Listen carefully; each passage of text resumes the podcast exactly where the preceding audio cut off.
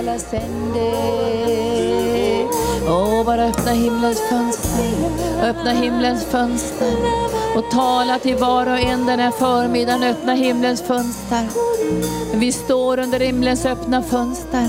Och vi önskar att du ska tala in i våra liv idag. Och vi tackar dig Gud för väldoften.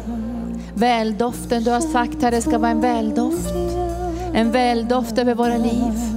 En atmosfär där vi kan andas och växa och mogna och utvecklas. En andens atmosfär där livet ska flöda fram. Och vi ber dig Herre att den här atmosfären ska bli starkare i våra hem med barnen, familjerna. I det andliga hemmet och fysiska hemmet ska det bli en atmosfär som beskyddar familjen och barnen och barnbarnen. En atmosfär där människor kan andas och utvecklas och växa. En atmosfär som beskyddar från mörkrets makter. Och vi ber i heliga Ande, att den här atmosfären i vår egen ande ska bli så påtaglig, så ljuvlig och så stark. Så det ska bli en väldoft, en underbar väldoft. Som när kvinnan hällde sin olja över dig Jesus, så fylldes hela rummet med väldoft. Och vi ber Herre för arbetsplatserna, att de ska fyllas med väldoft. Var vi går fram och evangeliserar och vittnar och delar vår tro ska rummen och mötesplatserna fyllas med väldoft, med din härlighet. Så människor ska falla ner på sina ansikten och säga, Gud är verkligen närvarande. Gud bor verkligen i ditt hjärta. Och de hemlösa ska få ett hem. De faderlösa ska hitta hem. Och vi tackar dig Gud för att du vill ge oss både ett andligt och fysiskt hem. Att det ligger på ditt hjärta. Vi ska hitta hem. Och en dag ska vi inte gå bort utan vi ska gå hem. Vi ska gå hem till himlens underbara hem. Så vi tackar dig Gud för hemmet som finns i våra egna hjärtan. Och även om det skulle bli krig och husen skulle brinna ner och vi skulle förlora våra ägodelar genom stöld eller på något annat sätt, så har vi ett hem i våra hjärtan som ingen någonsin kan ta ifrån oss. Och därför vill vi säga till dig Jesus att vi älskar dig. Vi älskar dig. Vi älskar dig. Tack Jesus. Tack härliga lovsångare. Vilken fin dag vi har. Och jag ska tala om hemmet. Jag vet ju inte vad ni har vuxit upp i för hem. En del av er har vuxit upp i fantastiska hem. Och när jag pratade med pastor Gunnar, han mötte, vi möttes för många år sedan, så pratade vi mycket om atmosfären i hemmet. Och i Gunnars hem var det en fantastisk atmosfär av kärlek och, och möjlighet att få växa. Och Gunnars pappa sa alltid till Gunnar så här, allt vad du har i ditt hjärta kan du genomföra. Och atmosfär är något som är väldigt viktigt. Skulle vi förlora atmosfären runt vårt jordklot så skulle vi dö. Ingenting skulle kunna växa. Och vi vet ju att atmosfären är ganska tunn och till och med ozonlagret kan gå sönder. Och då kommer de här starka strålarna in här i, i vår värld och skadar oss. Atmosfären skyddar ju oss från alla, jag säger, Eh, stenar och meteorer och allt som kan gå, gå genom himlarymderna så finns det den atmosfären som ett beskydd. Och jag tror att, att ett gott hem med mycket kärlek, det skyddar också barnen. Och en del av er har vuxit upp i trasiga hem. Så man har fått liksom en dålig erfarenhet av ett hem. Och jag tror att det också kan påverka tilliten och överlåtelsen och, och, och, och tron på det andliga hemmet. Men jag tror också att den här goda atmosfären, det gör också att vi kan utvecklas och andas. Jag vet inte, när jag växte upp så var, växte jag upp i ett hem som var jag ska säga delvis ganska trasigt. Och jag, jag minns när jag kom från skolan ibland så visste jag inte vad det var för atmosfär hemma. Men jag kunde öppna dörren och så kände jag atmosfären. Och så kände jag nu var det trasigt, nu var det bråk och så stängde jag dörren och gick ut. Men man önskar av hela sitt hjärta att när man kommer in i en församling så ska man bara, man känner väldoftan, Närvaron av Jesus. Och det är ju inte någonting som bara är när vi är tillsammans, utan det är också någonting som ska bli starkare och starkare i våra egna liv. För Jesus bor i vårt hjärta. Och även om våra hem skulle brinna ner, även om vi skulle förlora allt vad vi äger, även om det skulle bli krig. Och vi såg ju Kalifornien hur tusentals hem brann ner. Så har vi ett hem i vårt hjärta som ingen någonsin kan ta ifrån oss. Och det står det faktiskt i Johannes 14 23, så säger Jesus så här, jag ska komma till er. Och både Fadern och Sonen och den heliga Ande ska flytta in i er och göra ert innersta till en boningsplats, alltså till ett hem. Så Gud bor i dig. Ditt inre, ditt hjärta, din ande är hans hem i dig. Är inte det trygghet? Så var än du är så är du hemma. Även om du skulle vara i fängelse eller vara evangelist i Nepal i bergen eller du skulle åka till Ryssland där och kanske vara evangelist eller missionär och du skulle inte se, kanske inte, inte en kyrka på långt håll, så har du alltid Guds närvaro med dig. Du bär hans härlighet och du är hans hem. Tänk att han har flyttat in i dig och du är hans hem. Och han önskar att du ska känna den här väldoften och kärleken. Jag tänker ofta på när djävulen attackerade Jesus eller frestade Jesus. Då sa inte han det som Gud hade sagt till Jesus. Därför när himlen öppnade sig så säger ju Fadern så här, det här är min älskade son. Men när djävulen attackerar Jesus så säger han, om du är Guds son. Men han säger inte om du är Guds älskade son, det säger han inte. Men det säger Gud till dig. Du är den älskade sonen och du är den älskade dottern. Och vi ska tala nu om hemmet. Vi behöver alla ett fysiskt hem. Därför arbetar vi över hela världen från arken också för att ge barn ett hem. Och det finns ju ingenting mer fruktansvärt än att se barn fader och moderlösa, barn utan hem, gatubarn, barn som är utsatta för trafficking, barn som inte har något beskydd. Och kunna ge de här barnen trygghet och ett hem, det ligger faktiskt i församlingens kallelse. För jag tror inte Gud vill att någon ska vara hemlös, inte heller i det praktiska. Ingen ska behöva bo på gatan, ingen ska behöva vara främling och undra var den ska bo eh, under natten, utan jag tror Gud vill att alla ska få ett hem. Så det första som, som lärjungarna frågar Jesus när han börjar välja ut lärjungar, så står det i Johannes 1 och 38, du kan läsa det sen, så har de en fråga. Alltså en fråga till Jesus. Och jag tycker det här är så fantastiskt fint. Därför de frågar Jesus här, var bor du? Det är den första frågan lärjungarna ställer till Jesus när, de, när han börjar välja ut dem och säga följ mig. Så ställer de en fråga, var bor du någonstans? Var bor du någonstans? Och då berättar Jesus var han bor och så står det att lärjungarna följer Jesus hem och så är de med om hela dagen.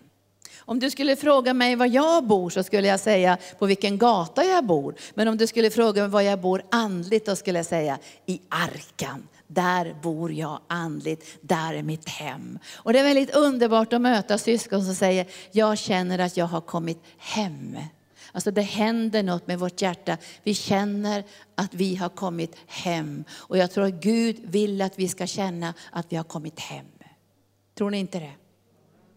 Alltså jag tror att det är det som är själva församlingens ska säga, signum, församlingens ska säga, längtan från Guds hjärta, där vi ska känna att vi har kommit hem.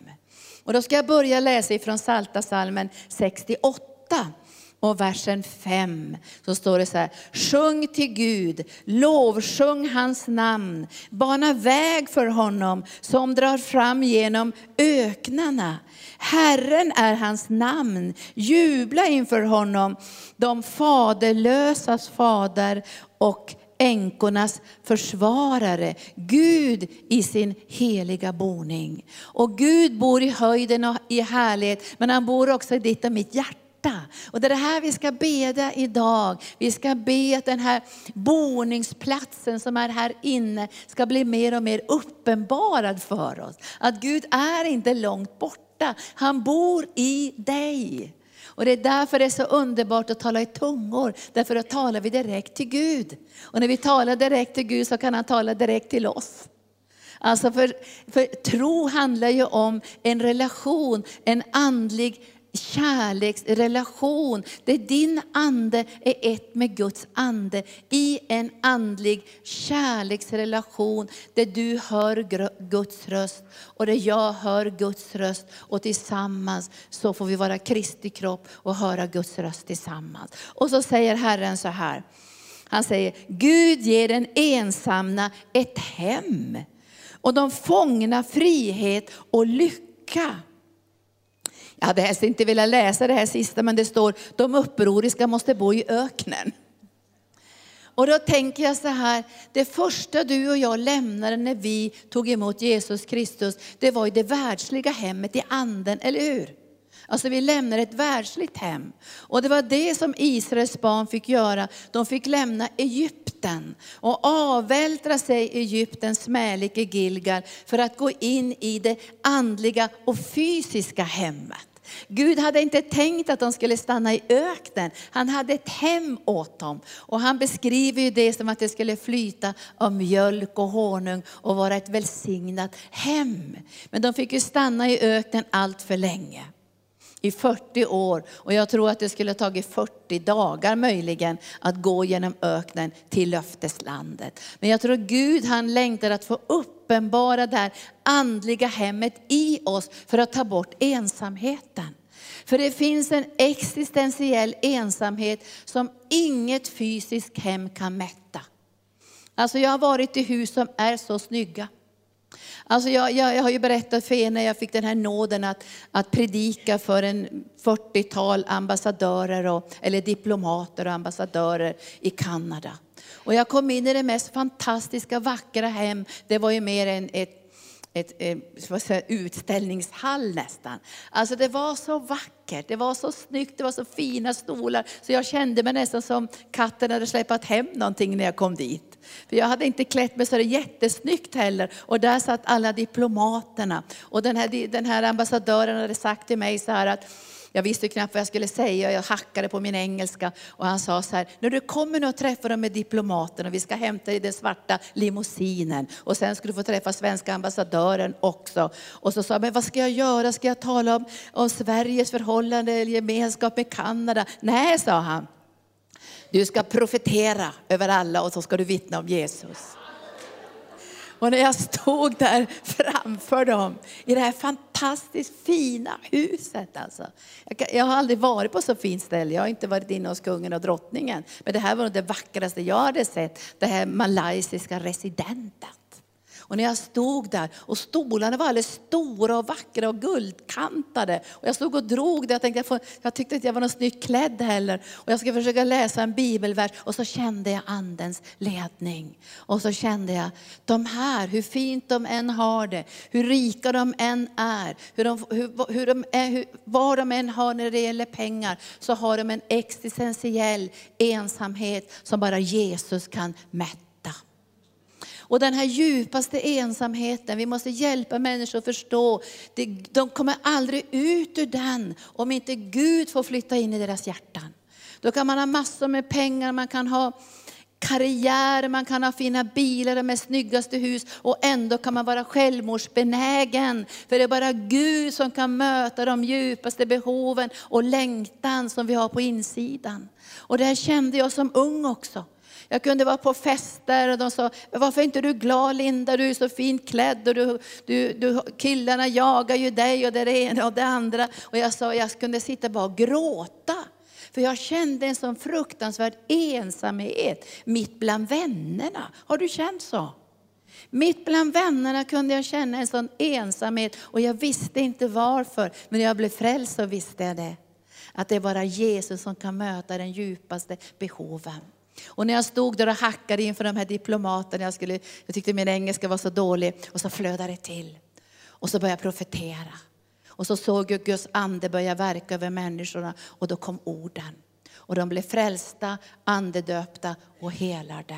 Och jag ska lova, jag var salig flera månader efteråt. Och jag var ju så taggad efteråt så jag skulle till svenska ambassadören. Det var så övertänd kan man säga. Men jag fick ju 40 minuter från första sekunden att börja berätta om Jesus. Frälsningen, vägen till Gud, hur bara Gud kan möta de innersta djupa behoven genom sin ande. Du är Guds boningsplats. Men jag tror också att Gud vill någonting mera. Alltså han vill uppenbara sitt hem i församlingen. Och det här är någonting jag tror ligger väldigt nära Guds hjärta. Och jag ska läsa det här bibelstället för dig från Markus 10 och 28. Och, och då han säger så här, då, då lärjungarna frågar honom, vi har ju lämnat allt och följt dig. Alltså, vi har lämnat allt för att följa dig. Säger lärjungarna till Jesus, vad får vi för någonting då? Då säger Jesus i versen 25 så här, i 10 och 25. Jesus sa, jag säger er sanningen, ingen som lämnar hus. Och många av oss får lämna hus. Nu tänker jag inte ett fysiskt hus i första hand, utan vi kanske får lämna eh, eh, vårt hem eller våra relationer eller, eller kontakter med våra föräldrar. Alltså när jag tog emot Jesus som min frälsare så var ju min pappa en ganska aggressiv militär. Och när jag kom hem och sa att, att ja, jag ska avsluta nu den här planeringen för doktorandgrejerna i kriminologi och allt det här. Och pappa, jag var ju den enda som hade fått en akademisk utbildning i vår släkt. Och sen så sa pappa så här, vad ska du göra då? Ja, så jag ska sälja allt och bli gatuevangelist. Jag ska lova, han svor så jag kunde höra det flera, flera kilometer nästan. För han var bra på att svära, för han tränade ju militärer hela sitt liv. Och jag, och jag tyckte det var hemskt jobbigt, för det blev ett brott. Det blev ett brott. Och jag kände att jag var tvungen att lämna ett hem. Och jag sa till honom att, att nu är det jobbigt och vi, vi är ovänner. Och jag sa jag måste följa Jesus. Och jag sa att även om det är jättejobbigt nu att jag får liksom överge det här hemmet. Så sa jag, då kommer det bli en välsignelse längre fram. För det som jag tar emot från Jesus kommer att välsigna dig längre fram. Och även om du får överge vänner och hus och hem.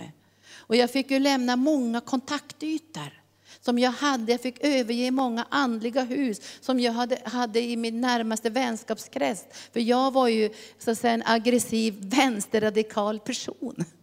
Och jag fick liksom lämna många hus för att gå in i Herrens hus.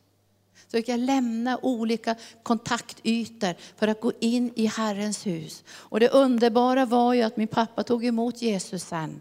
Han fick ju en allvarlig cancer och var döende. Och jag bodde då i Göteborg och han var döende uppe i Boden. Och de kallade hem mig sista dagarna inför att jag skulle vara med och hjälpa till med begravningen. För han var ju redan, ja de hade redan gett dödsdomen och han kunde längre inte prata och hans tunga var uppsvullen. Så jag kom ju på sjukhuset då och skulle liksom bara vara tillsammans med honom de sista timmarna. Men då kände jag i min ande, halleluja, Gud är här. Därför där du är, är Guds boning. Han bor i dig. Du kan få lösa ut en smörjelse var än du är. Men det blir ju starkare när vi är tillsammans. Och jag känner, jag skulle inte kunna leva bara som en individuell kristen. För jag har haft en bakgrund i karismatiska väckelsen och Jesusväckelsen som inte var församlingsbyggande. Och jag kände att jag var ett gatubarn. Vi fick alltid sätta upp fingret så här och undra, vars träffar de ikväll? Är det tredje granen från vänster?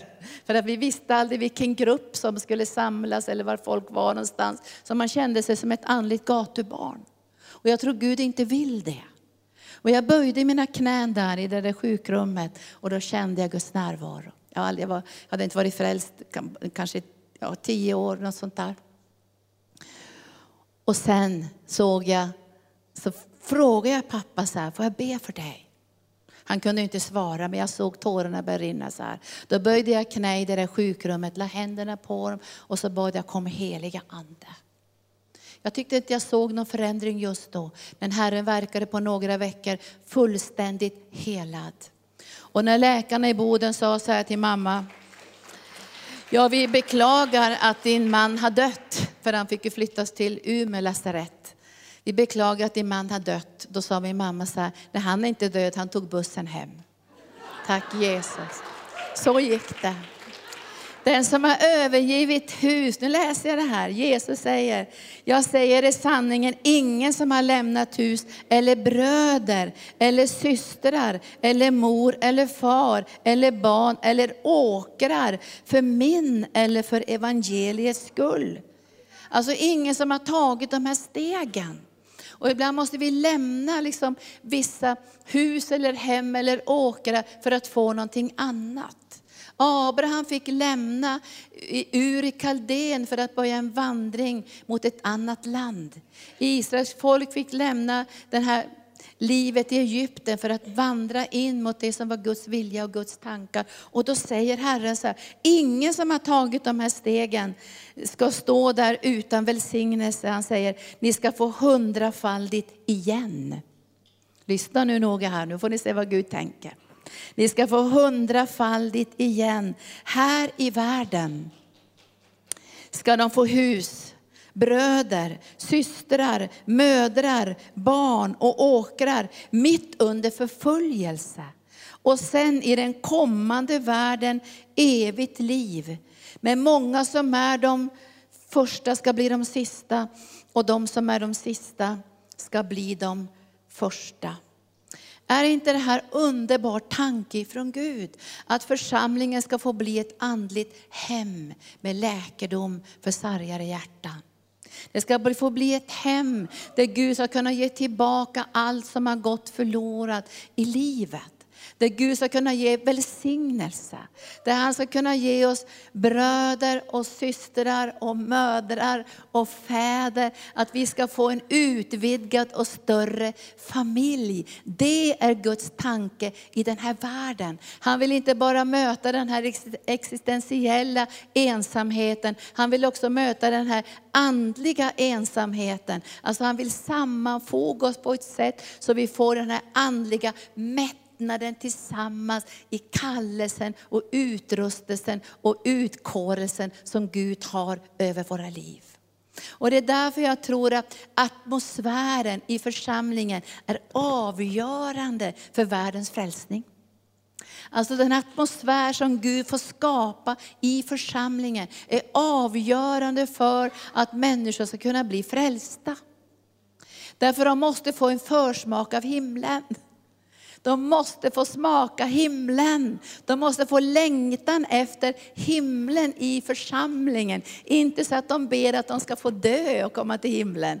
Men att de ska få en försmak för himlen så de kan lägga ner sina liv för ett högre syfte. Och det är därför jag tror väldigt mycket på lovsång. Alltså jag älskar lovsång. Jag känner ibland när vi kommer vidare i lovsången att det är som att vi kopplar ihop med himmelens lovsång. Och jag kan nästan höra hur änglar är närvarande i vår lovsång på arken. Och fönstret öppnar sig mot himlen där den övernaturliga dimensionen av Guds ande kan få flöda. För det här är ett övernaturligt hem. Där Gud ska möta människors längtan och rusta dem. Alltså den övernaturliga dimensionen genom den heliga Ande är avgörande för människors frälsning. Det här andliga hemmet är inte bara ett föreningshem eller vi kommer samman för vi har olika, eller ja, vi har samma åsikter eller vi tycker om samma saker. Utan det är ett andligt hem där Gud ska få uppenbara sin härlighet. Och därför är lovsången så viktig för att slå an tonen för atmosfären. Och vi behöver stanna kvar i den här lovsången, i kärleken till Gud, så att den här väldoften och härligheten kan sprida sig ibland oss, så vi kan bära ut den här härligheten efter den här gudstjänsten, in i de sammanhang, in i våra hem. För även om vi har lämnat ett hem i anden, så måste vi ändå vara där, eller hur? För jag tror ju inte att man lämnar sitt föräldrahem och säger, hej då, nu är jag frälst. Då har man hamnat i en sekt. Utan även om man har fått lämna saker i sin ande, så är man där i sitt föräldrahem och bär Guds kärlek och Guds nåd och Guds hopp och Guds väldoft. Och man sitter där och lyser. Även om andra skulle kritisera eller vara emot en under ett tag, så vet man någonstans att även om det kanske är ganska jobbigt nu i det här hemmet, eller om man kanske blir utsparkad under en period, så vet du och jag att det händer någonting längre fram. Vi kommer att få bli en välsignelse, eller hur? Det är det vi tror att vi ska bli en välsignelse. Och därför, kanske man, därför måste man ut ur de här felaktiga hemmen för att kunna återvända till sammanhang där man tidigare har levt i. Och därför kan man behöva en tid av, av rening och helgelse och avskildhet och bibelskola innan man går tillbaka och vittnar i en miljö som man har behövt lämna på grund av synd eller man har levt i ett liv som inte har behagat Gud när man var ofrälst. Men jag tror att det vi har upplevt med Gud behöver de människor få höra som vi kanske har fått lämna på olika sätt. Deras liv och deras väg och deras det, det, det levnadssätt som de har. Och så får vi återvända till dem och berätta vad Gud har gjort i våra liv. Jag tror var och en av er är ett levande vittnesbörd. Tillsammans skapar vi ett hem. Tillsammans formar vi ett hem. Det här är ingenting som bara föräldrarna kan göra. Man, skulle, man tänker när, om du själv är förälder så, så vet ju du att, att, att få ett, ett hem behöver alla hjälpa till. Barnen behöver vara med. Och det, det behövs till någonting som man är med och skapar det här hemmet. Och nu skapar vi ett andligt hem med en atmosfär där Jesus ska trivas ibland oss och människor ska få smaka det här underbara som kommer ifrån himlen och förstå att det här är på riktigt. Det här är inte bara något som är skapat av människor, det här är på riktigt. Gud är verkligen ibland er. Och jag tänkte vi skulle be en stund nu för våra egna hem. Och jag vet att en del av er som har vuxit upp i trasiga hem kanske känner så här, jag vågar inte överlåta mig i en församling, man vet inte vad som kommer att hända där, därför att man är skadad på insidan. Och jag tror att det viktigaste är att vi får den här uppenbarelseplatsen på insidan där de djupaste behoven blir mötta. Då blir vi också trygga i rättfärdigheten, att vi är godkända av Gud och älskade av Gud. Då vågar vi också öppna upp och jag tror att i den här atmosfären av Guds kärlek, i Guds församling, då blir det rätt att andas, eller hur?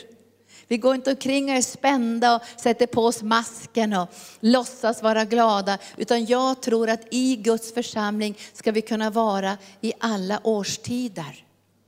När vårt barnbarn dog så kände jag så här, jag kan inte dra mig undan församlingen en enda dag. Jag måste vara mitt i församlingen med lidande, med smärta, med sjukdom och med nöd. Jag måste vara bland trossyskonen för att den läkedomen som finns bland trossyskonen ska nå in i mitt liv. Och jag, jag frågade Herren, hur gör man nu när man har en så djup sorg på insidan? Och då sa Herren, det vet ju du Linda, du har ju predikat det många gånger. Saliga är de som sörjer, de ska bli tröstade. Och med den tröst som ni får ska ni kunna trösta andra. Och jag visste att den trösten måste jag få i Guds församling. Och jag måste få den i lovsången så jag får kontakten med himlen. Så trösten som kommer ifrån Gud kan nå in i mitt hjärta, för annars går jag sönder. Många gånger är det så att när vi mår dåligt så, så, sticker vi, så lämnar vi församlingen. Tänker att jag är borta ett tag här nu för nu mår jag så dåligt. Men så ska det inte vara. I Guds församling ska vi kunna vara när vi mår dåligt, eller hur? Vi ska inte behöva sätta på oss den här masken och jag är jätteglad, halleluja. Och så gå ut och krackelera där ute och må jättedåligt. Utan i Guds församling möts vi i alla årstider i livet. Och ingen av oss kommer undan de här jobbiga tiderna. Och då behöver vi varandra ännu mera. Och jag tror vi behöver vara i en familj där vi kan vara öppna, tillgängliga, be för varandra, betjäna varandra, gråta med varandra. Men också kunna glädja oss med varandra i Guds församling. Så att det inte bara blir något slags ytligt tillgjort och eh, så, pre, presterat, utan det måste finnas den här nakenheten, kärleken. Och när vi möts så här så är ju en del av er i sorg, andra är i glädje. Visst är det så? Vi kan inte säga att vi är alla glada när vi möts, utan ibland kommer vi samman och en del är i sorg, andra är i bedrövelse, en del har gått igenom svårigheter, andra har fått fantastiska bönesvar och jublar och hoppar. Och så kommer vi samman därför den helige ande som älskar den här familjen kan möta olika människors behov och därför står vi samman i olika årstider. Det här gör att det här blir på riktigt. Det här gör att gåvorna kan flöda. Det här gör att kärleken kan beröra våra hjärtan. Det här gör att vi kan gråta med varandra och glädja oss med varandra. Vi får ett hem på riktigt. Men jag tänkte vi skulle börja med att be för våra hem. Och jag tror att Herren kan hela oss i efter, efterhand också. Jag tror att han kan hela oss i efterhand. Har vi haft ett trasigt hem, vuxit upp kanske med mycket bråk hemma och, och, och trasighet, så tror jag att Gud kan gå in i det, i det förflutna och också hela på insidan. För Gud är mäktig att göra det här i våra liv. För det här hör ihop också med att vi ska få riktigt levande församlingar. Och vi behöver levande församlingar som är på riktigt, eller hur? Vi längtar ju efter det. Så vi, vi bara lyfter upp våra hem nu. Nu ska det inte vara någon fördömelse eller någonting annat, men vi ber att atmosfären ska liksom, det ska bli en starkare atmosfär av Guds andes närvaro i våra hem. Att våra hem ska ha det här bönealtaret. Där vi kommer till Gud när vi är ledsna eller bråkar eller mår dåligt eller ekonomin är dålig. Eller barnen är på något sätt som vi inte kan tycka känns något bra. Så ska vi ha det här bönealtaret där det finns hopp och kärlek. Och jag lyfter nu upp alla barn som finns i, i mina syskons liv den här dagen och alla barnbarn också. Jag lyfter upp hemmen inför ditt ansikte och jag ber dig helige Ande att det ska få bli en sån underbar atmosfär. Att såren ska helas, att de bundna ska få bli fria, att det ska få bli en lycka lycka, en glädje i varje hem, mer och mer och mer. För vi är bärare av din kärlekssmörjelse. Vi är bärare av din närvaro, för vi är din boning. Våra kroppar, vår ande är din boning. Och vi önskar att våra hem ska få präglas av den här kärlekssmörjelsen. För du har sagt Herre, att om vi har lämnat allt för att följa dig, så ska vi få ett hem. Och då vet jag att det ska få bli ett hem där din kärlek och din nåd ska bryta fram. Och även om ingen i mitt hem är frälst så ska jag vara där som en väldoft och som en kärlekskanal för din nåd på den plats där du har ställt mig. Så kom helige Ande och så välsignar vi barnen, barnbarnen och även om vi inte håller med om allt som människor gör så vill vi att din kärlek ska få flöda ifrån våra liv så vi kan sammanföra dem med dig Jesus så de kan få möta din kärlek och bli förvandlade och förvandlade och förvandlade och förvandlade. Och nu lyfter jag också Gud, var och en som är här nu som kanske inte känner dig ännu som sin personliga frälsare. Som har den här ensamheten, som inte kan förklara varför känner jag mig så ensam. Även om jag har kompisar och även om jag mår bra på ett fysiskt sätt så känner jag ändå en djup ensamhet. Så tala heliga ande och säg att den ensamheten kan ingen människa möta. Inga pengar, inga fina hus, inga vackra kläder, ingen karriär, ingenting. Det är bara bara du Jesus som kan möta den djupaste längtan. Det är bara du Herre som kan ta bort den här djupaste ensamheten. Och jag vet helige att du också vill ge oss bröder och systrar och mammor och pappor. Att det är din idé Jesus och ge oss församlingen. Och därför ber jag Herre för församlingen Arken och för församlingen över hela världen Herre. Att det ska få bli ett hem.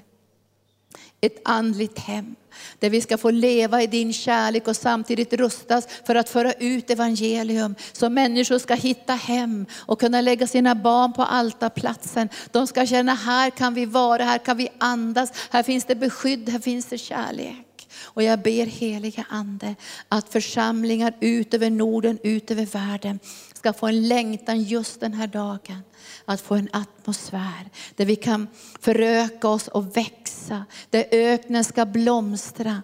Där öknen ska, ska, det ska börja växa i öknen. Och det ska bli vatten i hedmarken. Och det ska, bli, det ska blomstra och det ska bli källor överallt. Därför det blir en atmosfär som är från himlen. Och människor ska se att församlingen är något unikt. Det är ingen förening. Det är inte bara en samling människor. Det är nedslagsplatsen för själva himlen där vi ska förbereda oss för att vända hem en dag och lämna tillbaka våra liv. Vårt verkliga hem är i himlen. Här är vi bara pilgrimer, här är vi främlingar, men vi är på väg till himlen. Men församlingen är nedslagsplatsen för din härlighet. Och jag ber dig heliga Ande, från den här dagen så ser jag i anden och känner i anden att det kommer att bli en varmare, ljuvligare, härligare atmosfär än vi har haft tidigare. Därför har växt en längtan i våra hjärtan. För världens skull och för människornas skull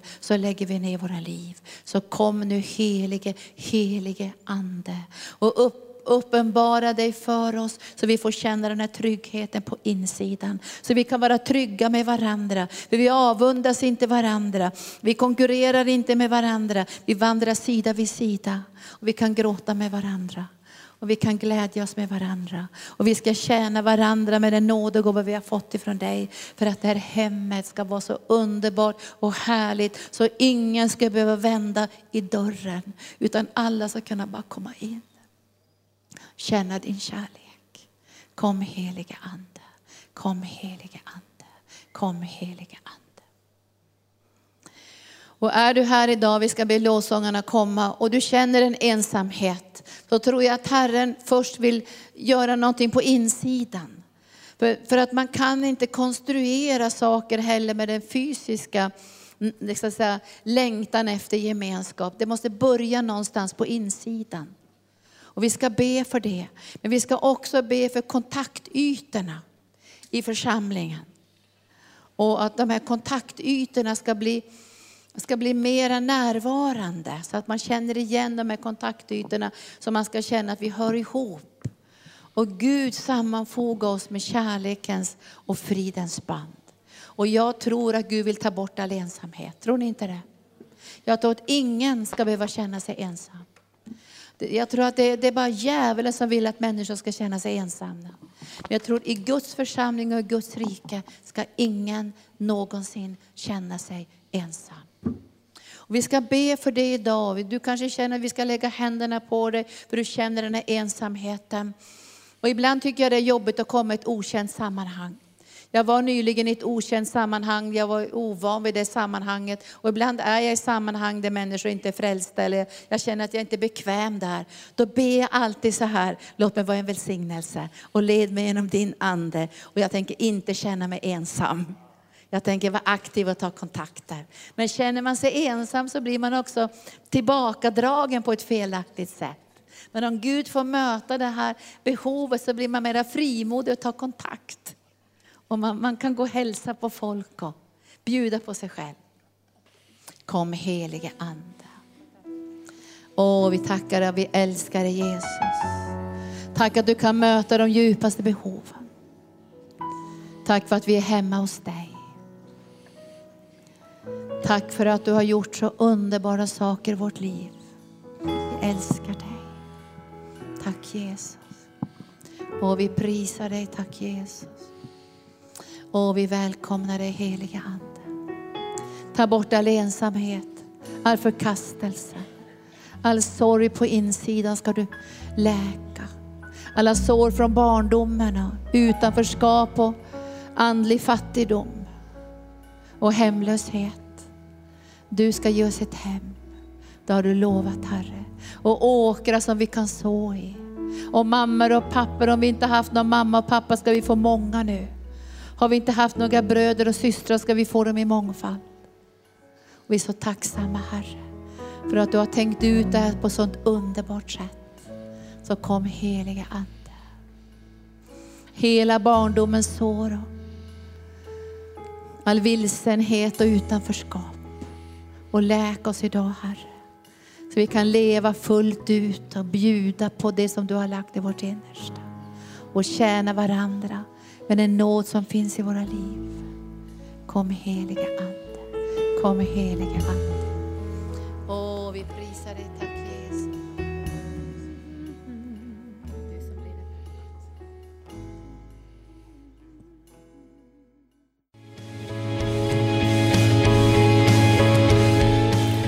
Tack för att du har lyssnat.